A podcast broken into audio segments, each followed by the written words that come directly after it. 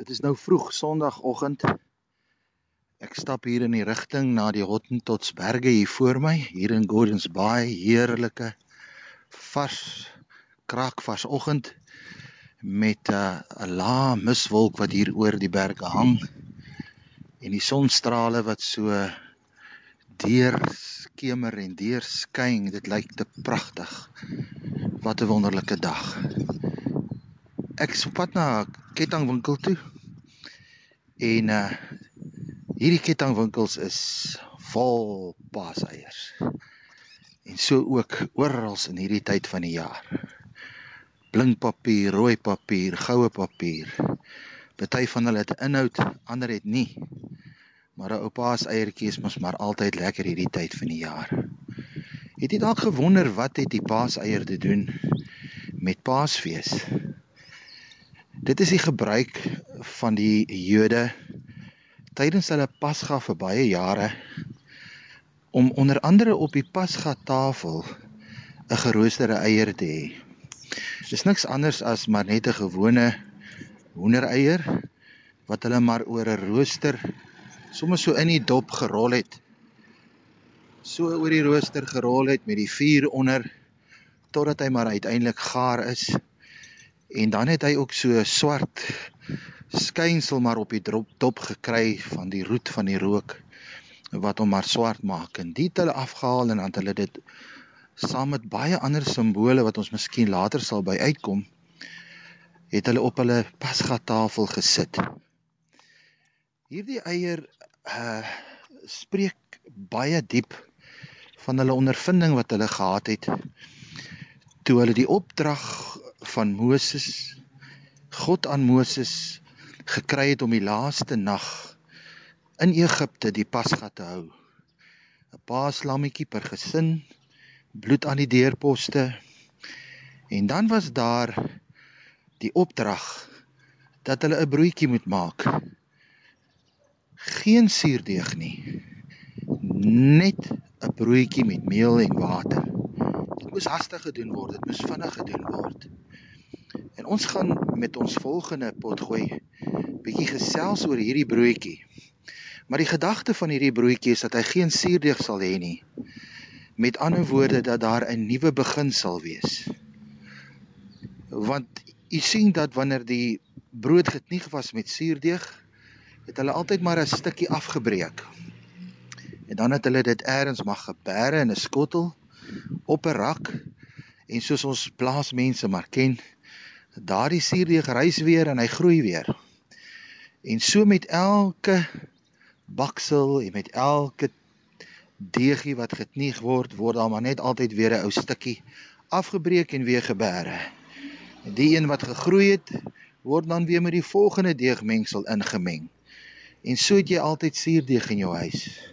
Maar God wou by met hierdie opdrag en met hierdie ou prentjie hoe God aan hulle 'n opdrag en 'n diepere diepere betekenis deurgegee het. En dit is dat ek wil hê julle moet 'n nuwe begin maak. Hierdie gaan 'n nuwe begin in julle lewe wees. En julle gaan net volgens Eksodus 12 vers 34 lees ons dit. Hulle het daardie ou deegie gevat wat oorgebly het sonder suurdeeg Dit het hulle in bondeltjies vasgemaak in hulle mantels en in hulle skotteltjies.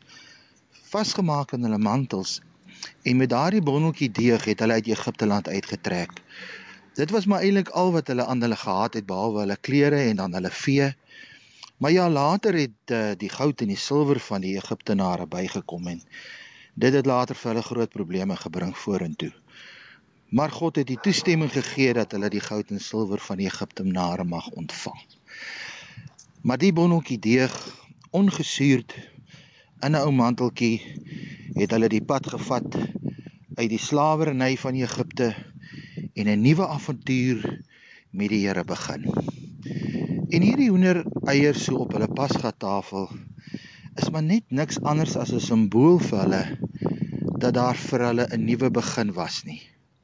En met elke pasga tydens 'n moment wanneer van daardie ongesuurde broodjie 'n gedeelte van weggesteek was, toegedraai was in 'n doekie, moet die kind die kinders dit gaan begin soek en hulle moet rondhardloop en die kind wat eerste daardie stukkie brood kry, stukkie matsa kry, stukkie ongesuurde brood kry wat in 'n lappie toegedraai is, baie baie ryk in betekenis. Ons sal nog daaroor gesels. Daardie kind wat dit kry, kry 'n prys en die prys was die hoendereier.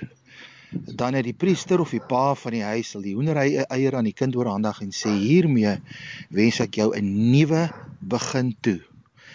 Ek wens vir jou 'n nuwe lewe toe.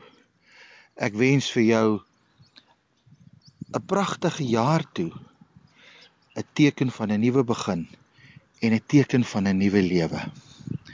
Onthou dan, liewe vriende, wanneer ons uh, in hierdie Paastyd aan mekaar 'n ou Paaseiertjie gee, dat ons daardie ou Paaseiertjie wanneer jy dit vir iemand gee, sê jy vir hom: Mag daar 'n nuwe opstanding in jou lewe plaasvind.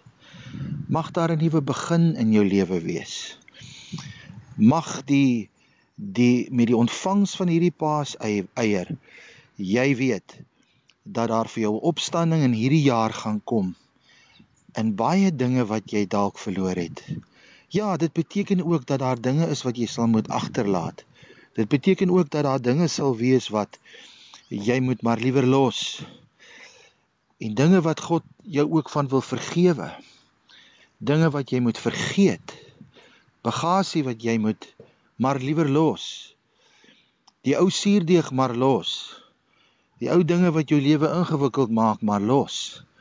En jy 'n nuwe begin ook met hierdie jaar, ook met hierdie Pasga met die Here sal ingaan. Is dit ook nie die boodskap wat die opstanding van Jesus Christus vir ons ook gegee het nie? Met sy opstanding ook vir ons sê, ek het opgestaan Ek maak alles nuut. Ek gee weer vir jou 'n nuwe begin. Ek gee vir jou 'n nuwe lewe. Ek gee vir jou opstandingskrag. Jy mag hierdie kort gedagte terwyl ek so in hierdie kettingwinkel nou gaan rondloer en uh, my ouma altyd dwaal na die ou paas eiertjies toe. En uh mag die gedagte u ook ryklik diep in u harte seën. 'n geseënde dag en 'n geseënde naweek vir u. Maar net gedink om vir julle te sê, ek is nou net uit die kettingwinkel uit. Ek kon nie die versoeking weerstaan en het 'n paar paas eiertjies gekry. Hierdie marshmallows ene. En ek staan gou hier buite voor my vrou my sien en ek nuttig 'n heerlike marshmallow paas eiertjie vir ontbyt. Die Here seën u vandag met nuwe lewe en opstandingskrag. Amen.